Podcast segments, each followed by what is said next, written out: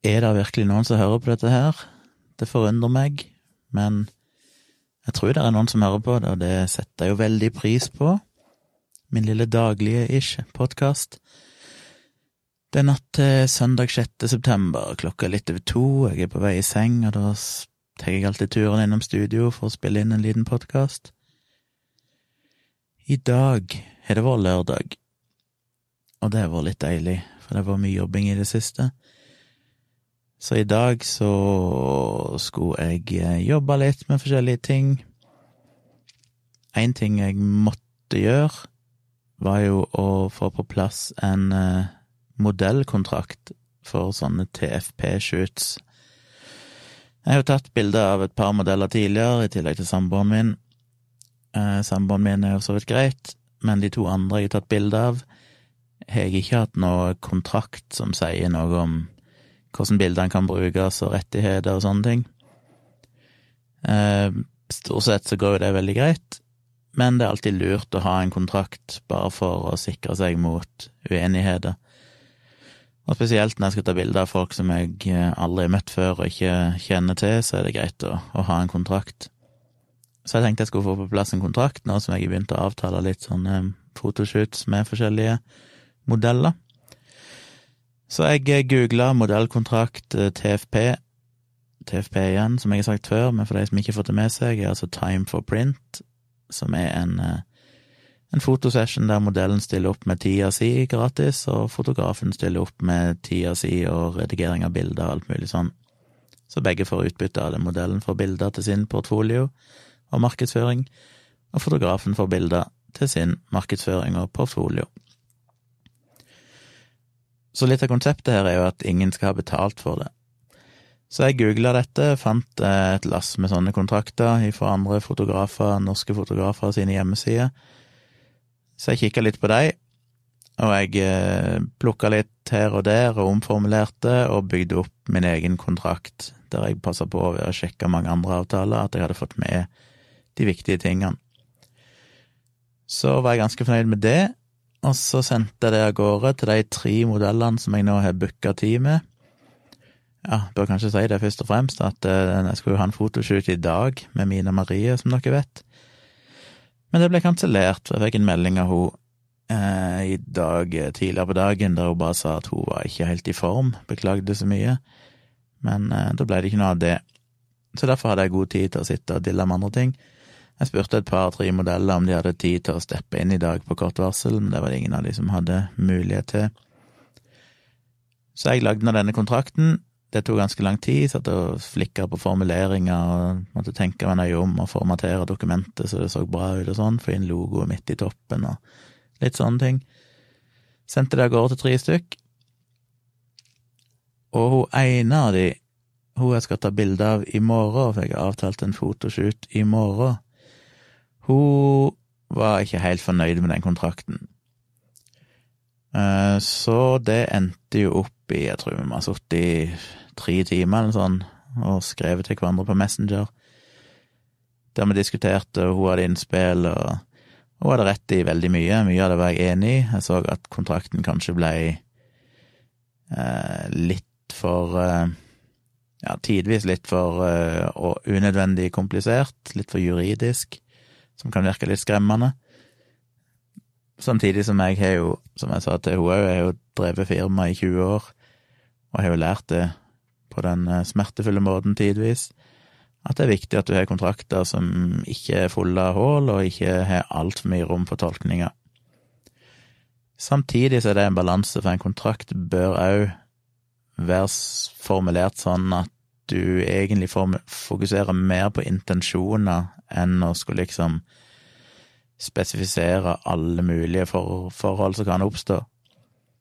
For det er nesten umulig, fordi verden endrer seg, og et eksempel er at hun for eksempel var veldig redd for hvor bildene kunne bli brukt hen, altså hvor de kunne publiseres. Det står jo allerede i avtalen at eh, fotografen eh, kan bruke bildene fritt i egen markedsføring, på egne websider, sosiale medier og sånne ting. Og det samme gjelder for modellen. Modellen kan bruke bildene fritt til sin egen markedsføring. Og så er det jo noen formulering om at bildene ikke skal postes eller brukes på en måte som kan eh, ja, på en måte skade modellens eller fotografens renommé, eller virke støtende og sånne ting. Så intensjonen, etter mitt syn, fremsto ganske greit. Du skal kun bruke det til egen markedsføring og sånn, og du skal ikke bruke det på en måte som kan skade den andre. Så jeg kan ikke poste bildet mitt på en rasistblogg, for eksempel, eller laste det opp på Pornhub, for å sette det på spissen. Eh, men det står ikke spesifisert, det står ikke 'bildet kan ikke lastes opp i en rasistblogg', eller 'bildet kan ikke brukes eh, til pornografisk', bla, bla, bla. Det står ikke spesifisert, men intensjonen er jo ganske tydelig. Men hun ville at det skulle være enda mer konkret, at det skulle liksom spesifisere akkurat hvilke domener en kunne legge ut bildene på, og hva kontoene mine på Instagram og sånn hette for noe, at alt det måtte være spesifisert. Det var ikke jeg helt enig i. Så det endte vi opp med å ikke endre. Jeg endra jo fryktelig mye. 90% av de innspillene hun hadde, var jeg enig i, eh, og gjorde endringer. Men det var enkelte sånne ting jeg ikke helt var med på, for det, som jeg sa til henne, det er to problemer med den innstillinga. Det ene er jo at uh, om det så om, om seks måneder, tre måneder, dukker opp en eh, Instagram-klone som plutselig blir veldig populær, og jeg ønsker å ha en fotografkonto på og dele bildene, så vil det være veldig tungvint hvis jeg må kontakte alle jeg har tatt bilde av, som jeg eventuelt ønsker å publisere bilder av, for å få et skriftlig samtykke til at jeg nå kan òg publisere bildene på det nye sosiale mediet. Eh, det blir for tungvint. I tillegg så kan det være, som dere har opplevd, til jeg bytter domene sånn litt av og til på eh, fotosida mi. Kommer neppe til å gjøre det igjen nå, håper jeg, på ei stund, men det kan jo skje at du flytter ting. Eller Facebook-sida mi, den heter Tjomli foto nå. Kanskje jeg endrer det i framtida. Kanskje jeg oppretter en ny Instagram-konto som bare er for modellbilder, og ikke har landskapsbilder og andre ting. Kanskje jeg å dele det opp. Så det å drive og spesifisere det i en kontrakt, og da måtte jeg gå gjennom en lang, formell prosess bare fordi du gjør en liten endring i oppsettet ditt, det var jeg ikke helt med på, så jeg mente at uh, intensjonen er det viktige. Det står ganske klart hva intensjonen er, altså man har litt tillit til den andre. Hun ville jo at det skulle stå spesifisert i avtalen at hun hadde rett til å be om å få et bilde fjernet hvis hun ikke var komfortabel med der bildet var publisert. Og det skjønner jeg jo veldig godt. Jeg skjønner jo veldig godt at det er en slags sikkerhet hun ønsker å ha. Samtidig så gikk jeg ikke med på det, fordi at da forsvinner litt av poenget med avtalen. Hvis det er sånn at du først skal signere en avtale som spesifiserer bruksrettigheter til bildet, men etterpå òg har det mulig for henne å gå rundt og si at du, kan du ta ned det bildet, jeg vil ikke at det skal ligge på Facebook-sida di, eller et eller annet sånt. Da er det ikke så mye poeng i avtalen i utgangspunktet, for det, da kan hun på en måte ha en slags vetorett uavhengig av om jeg bryter betingelsene i avtalen eller ikke, så kan hun når som helst bare si hun vil jeg skal ta ned bildene. Og det blir vanskelig, for da må jeg òg liksom vurdere hver eneste gang jeg bruker bildet et sted, så har jeg en sånn dårlig følelse på sånn tenk om hun ikke vil jeg skal bruke bildet her. Uh, så det må igjen, så lenge intensjonene er relativt tydelig formulert, så skal jo ikke jeg bruke bildefeil, og hun skal ikke bruke bildefeil. Så ja, så det gikk jeg ikke med på, for da følte jeg litt av poenget med kontrakten forsvant. Og så er det jo òg noe med det at selv om det ikke er formulert i avtalen, det er vanskelig å formulere det spesifikt i avtalen, men en må på en måte anta at en viss normal folkeskikk gjelder òg, at en viss profesjonalitet gjelder. Sånn at hvis hun hadde kontakta meg og sagt du, det bildet der, eh, det har jo et eller annet problem med at det ligger et eller annet sted, så vil jo jeg respektere det med stor sannsynlighet og fjerne bildet, uavhengig av hva kontrakten sier. Men jeg ønsker ikke at jeg skal være pålagt å gjøre det, sånn at jeg hele tida føler at hun har the upper hand og kan liksom definere alle rettigheter. Så det gikk jeg ikke med på. Og så var det litt sånn uenighet om salg av bilder og sånn. Jeg hadde egentlig med i avtalen at jeg kunne selge bildene hvis jeg ønska det, i forstand at hvis jeg tar et veldig fint bilde og ønsker å selge det som en print, så hadde jeg rett til det. Det var ikke hun helt komfortabel med, selv sjøl om jeg skrev at eh, det måtte forhåndsgodkjennes av hun. For da mente hun at i så fall så ville hun òg ha rett til å selge bildene, og det er ikke jeg like komfortabel med, for det er to forskjellige scenarioer som jeg skal komme tilbake til. Eh, men òg det at hun ville ha en andel av inntektene og sånn, da. Og skjønner at det sikkert føles fair på én måte, men det blir altfor komplisert. Skal en da begynne å spesifisere prosentfordeling av inntekter som med stor sannsynlighet er null, så blir det litt sånn Da tenker jeg igjen at det må være litt anstendighet. Skulle plutselig en eller annen milliardær finne ut at han ville gi en million for et av bildene mine, ja, så skulle hun sikkert fått en slant av det.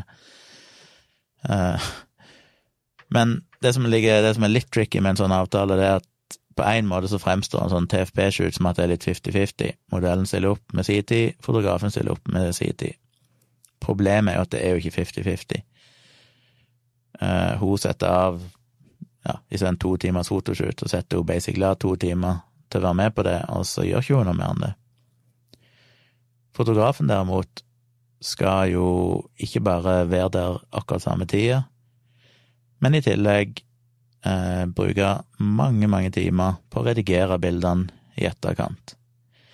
I tillegg så er det jo jeg som sitter med 100 000 i kamerautstyr for å kunne ta disse bildene.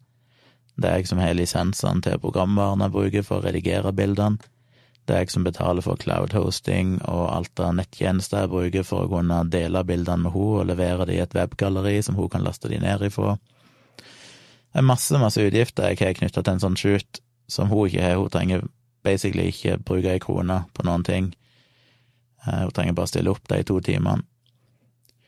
Og når du ser et bilde så kan hun Altså, hun kan bruke bildene til å markedsføre seg sjøl som modell,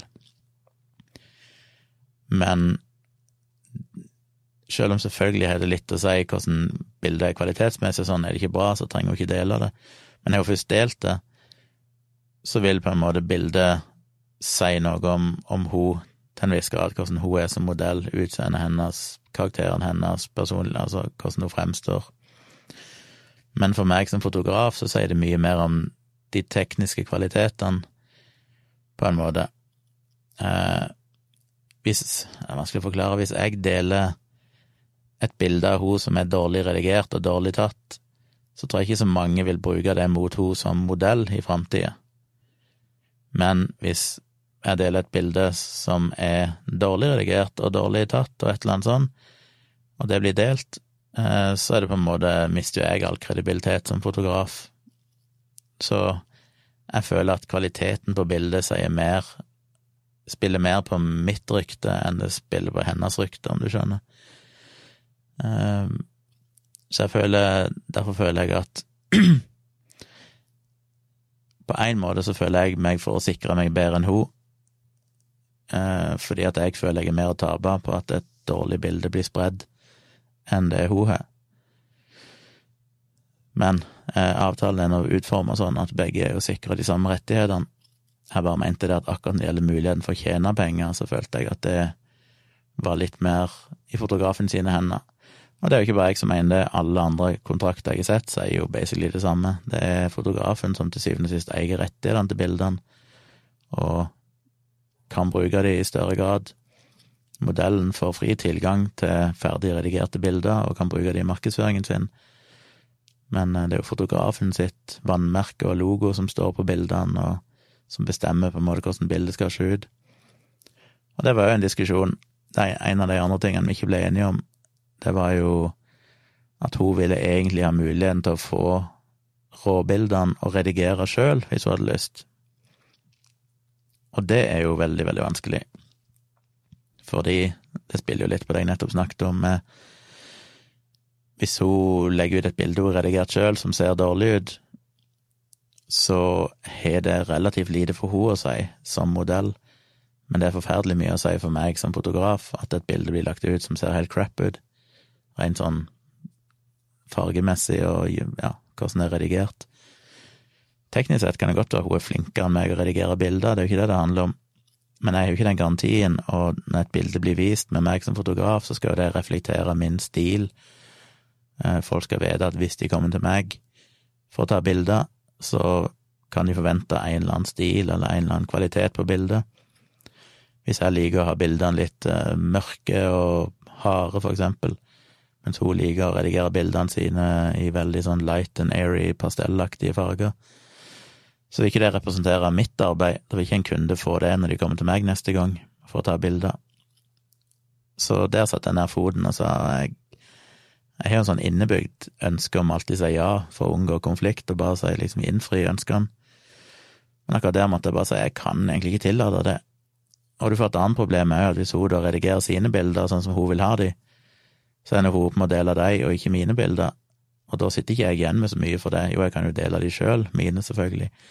Men litt av poenget er at vi skal dele samme bilde, at begge på en måte er partnere i et felles produkt. Så hvis ikke jeg skal redigere de, så står jeg jo bare der og tar et bilde. Men det endelige produktet representerer jo ikke det jeg faktisk leverer som fotograf.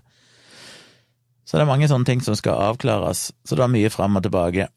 Det var jo et punkt i den avtalen som jeg hadde kopiert ifra en annen kontrakt som handla om en seksjon som handla om akt og nakenhet som sa noe om at hvis bildene innebar aktfoto eller nakenhet eller boudoirbilder, noe som på noen slags måte kunne tolkes som erotiske bilder, så var det jo spesielle retningslinjer for det. Eh, men det ville hun fjerne helt, hun sa det var ikke aktuelt med sånne bilder. Og det ble jo litt sånn, ja, det skjønner jeg jo, det er jo ikke det som er planen, men hvis vi bare fjerner det, så er jo du dårligere sikra. Jeg tror hun følte at hvis det sto i kontrakten, så var det en slags sånn antydning om at hun var villig til å stille opp på noe sånt.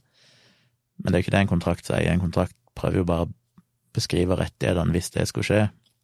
Og hvis det skulle skje, så må det avtales på forhånd. Det står jo i kontrakten. Kan ikke plutselig ta nakenbilder av henne uten at det er forhåndsgodkjent. Og det er jo én ting hvis det er planlagt, men så tenker jeg òg Dette snakket vi ikke om, men jeg bare tenkte om det. Jeg vil ikke snakke om det, for det er så fort gjort det høres creepy ut. Men det er sånn La oss si hun går i en litt vid, vid topp, og på et eller annet bilde så vises en brystvorte. Kanskje ingen av oss ser det før etterpå når de skal redigere bildene. Så er det teknisk sett et bilde som kan tolkes erotisk. Det var ikke intensjonen med bildet, men hvis ikke det står noen ting i kontrakten om hennes rettigheter, da, så kan jo jeg overkjøre og si at nei, det bildet skal vi bruke. Hvis det derimot står i kontrakten at hun må eksplisitt godkjenne den type bilder, så er jo hun mye bedre sikra mot utilsikta nakenhet òg, som selvfølgelig kan skje. Så det var jo en sånn ting jeg Men jeg endte opp med å bare omformulere det litt, sånn at det fremsto mer tydelig at det liksom ikke under noen omstendigheter skulle være den type bilder, med mindre modellen eksplisitt hadde gitt uttrykk for, eller godkjente, og skriftlig og sånne ting. Så det var basically Jeg ville fortsatt ha det med, men jeg bare gjorde det litt tydeligere for hodet at eh, Ja, at den var mer spesifikk, den formuleringa, enn den der default-formuleringa jeg hadde kopiert fra en annen avtale. Så kontrakter er gøy. Det har jeg jobba mye med i firmaet mitt òg. Vi har hatt møter på møter, utforma kontrakter for hva produktene og tjenestene vi leverer. Og det er virkelig krevende arbeid, for som sagt, en kontrakt skal være så spesifikk at ikke det kan tolkes i alle retninger, men samtidig ikke så spesifikk at du begynner å detaljbeskrive alle mulige scenarioer som kan oppstå. Du bør liksom ha et fokus på intensjoner.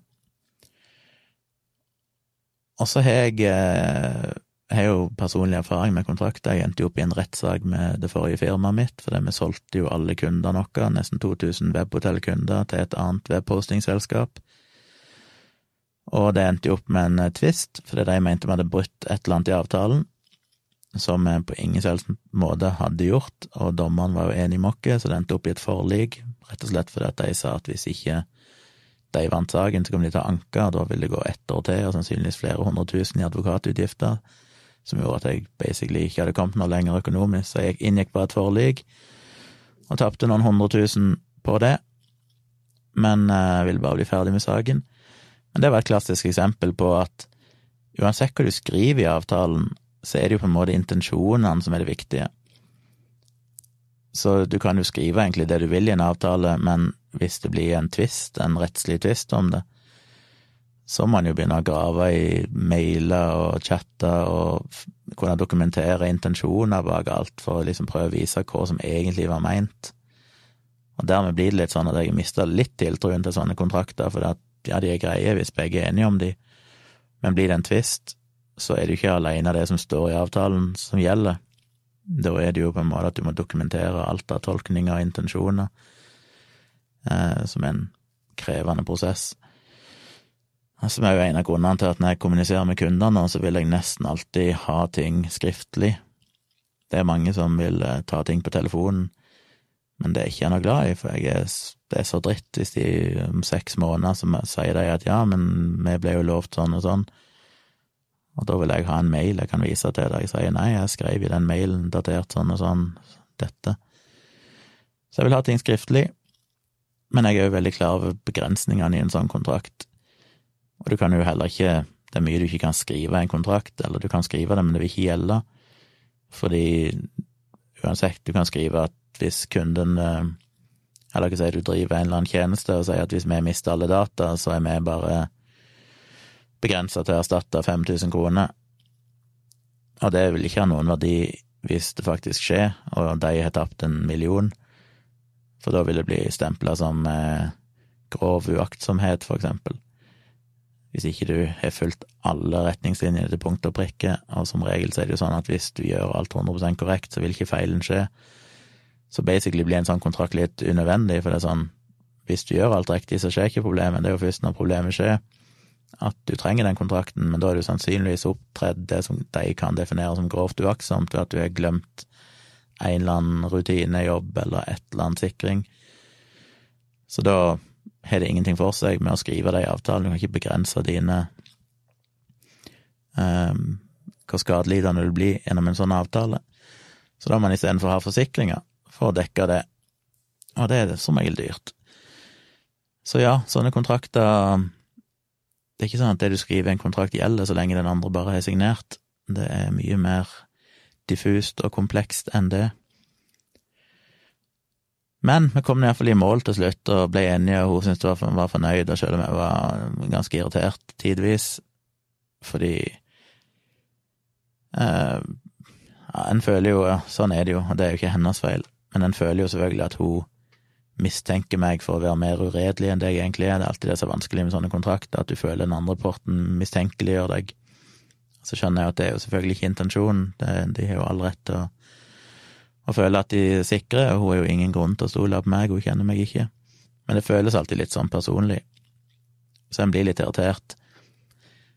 Og så var det jo litt sånn ironisk at når jeg først sendte avtalen, så svarte hun med en gang sånn oi, det var en lang avtale.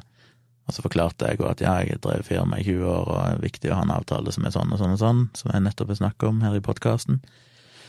Men når vi begynte å diskutere det, så endte det var det jo hun som egentlig ville ha ting mer og mer spesifisert og mer og mer detaljert, mens jeg prøvde å holde igjen og si at nei, vi kan ikke være for detaljerte. Men vi ble iallfall enige, og hun var den eneste vi ikke kom til enighet om, var det med redigering av bilder. Så jeg åpna vel bare litt opp der og sa at jeg vil ikke endre avtalen, for avtalen sier spesifikt at hun kan ikke under noen omstendigheter endre på bildene, eller beskjære bildene, eller fjerne vannmerket mitt, eller noe sånt, og deler de.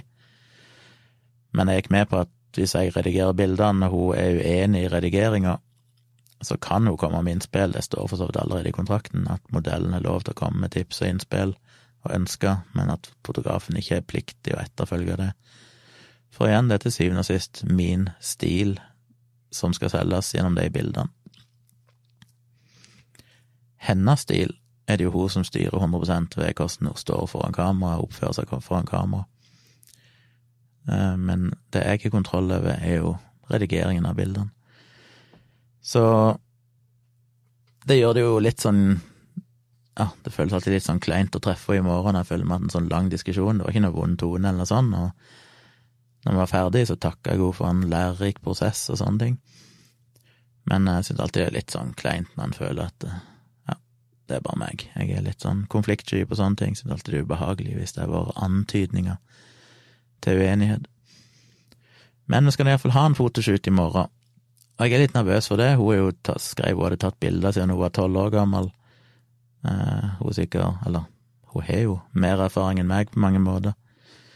Men hun tok jo kontakt med meg fordi hun likte bildene mine og syntes jeg hadde en bra stil og sånn, så jeg håper jo hun er tiltrudd at jeg kan levere noe bra.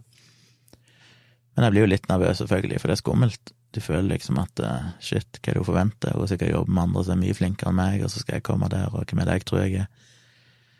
Men jeg får bare prøve å stole på meg sjøl. Tenke at dette her uh, skal jo først og fremst være gøy.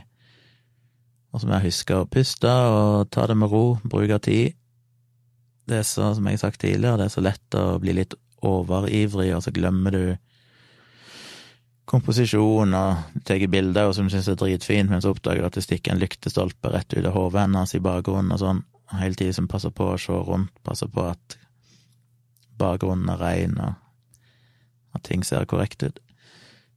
Men jeg har pakka med meg utstyr, det er jo alltid et dilemma, hva skal jeg ha med meg, hvor avansert skal jeg gjøre det?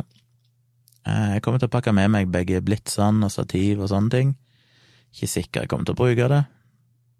Nå har vi jo vært litt uheldige med været. De andre jeg skal ta bilde av, jeg har avtalt å møtes klokka fem, sånn at vi kan ta bilde et par timer inn i golden hour.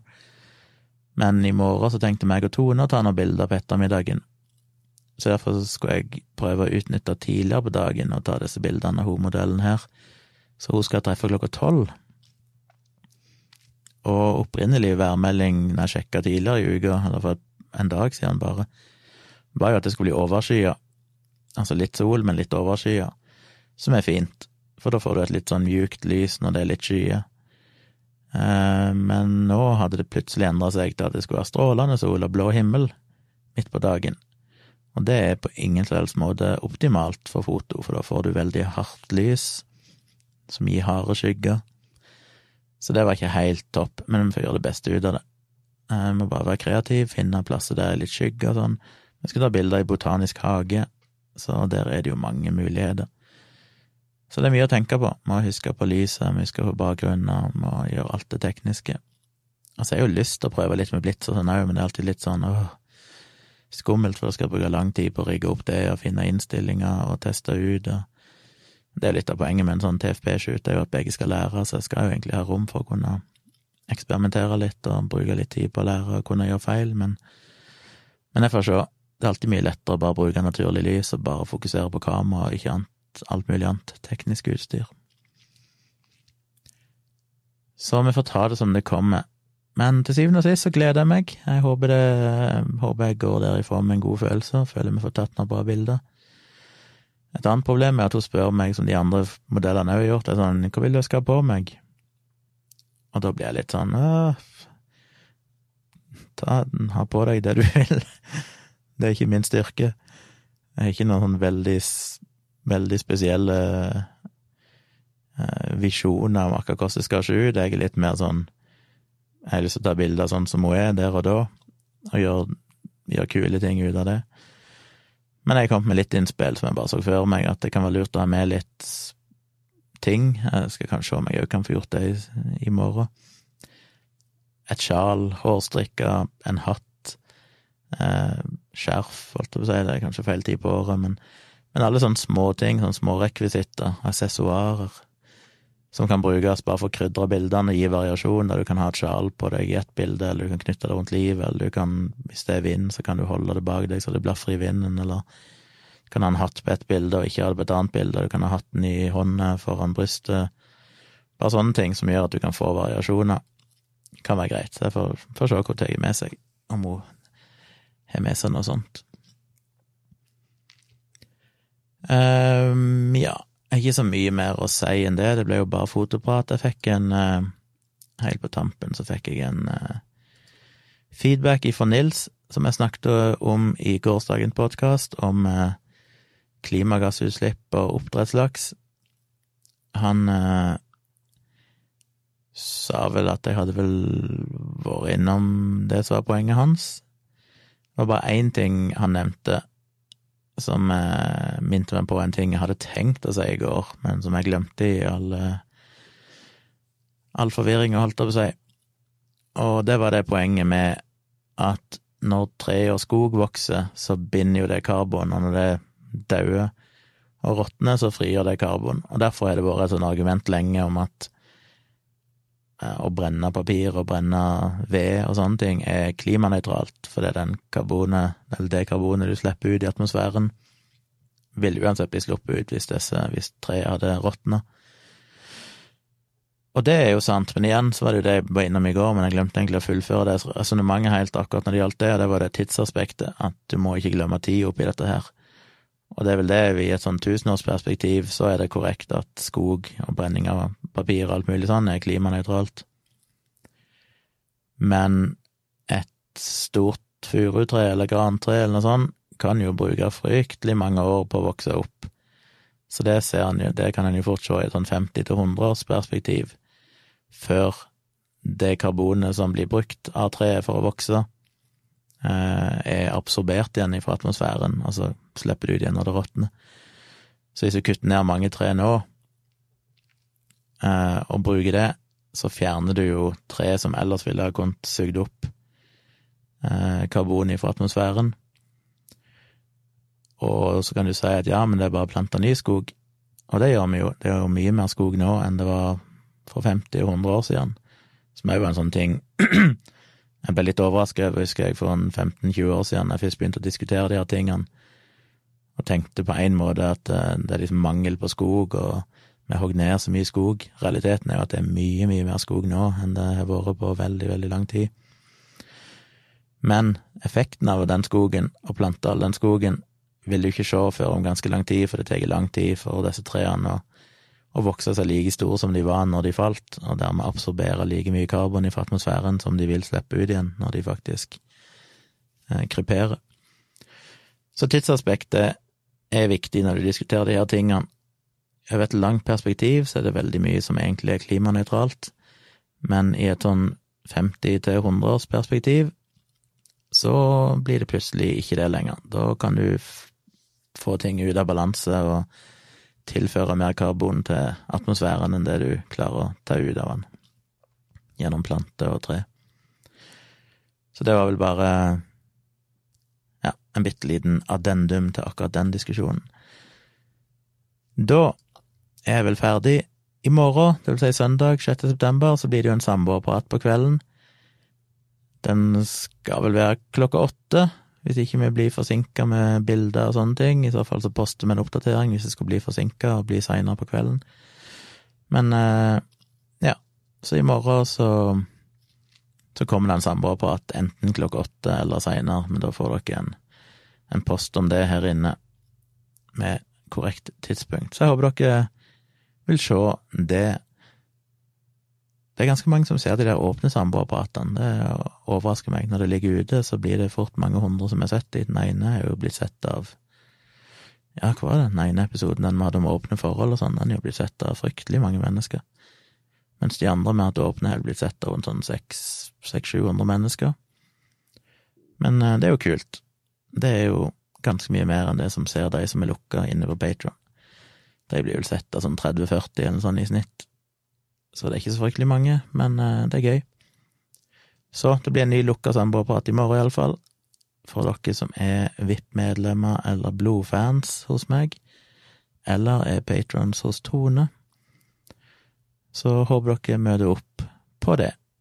Da skal jeg komme meg i seng, og så skal jeg våkne opp til en dag der jeg må pakke fotutstyr og komme meg ned til Botanisk hage og ta bilder, så håper jeg det går bra. Dere får en oppdatering når det er gjennomført.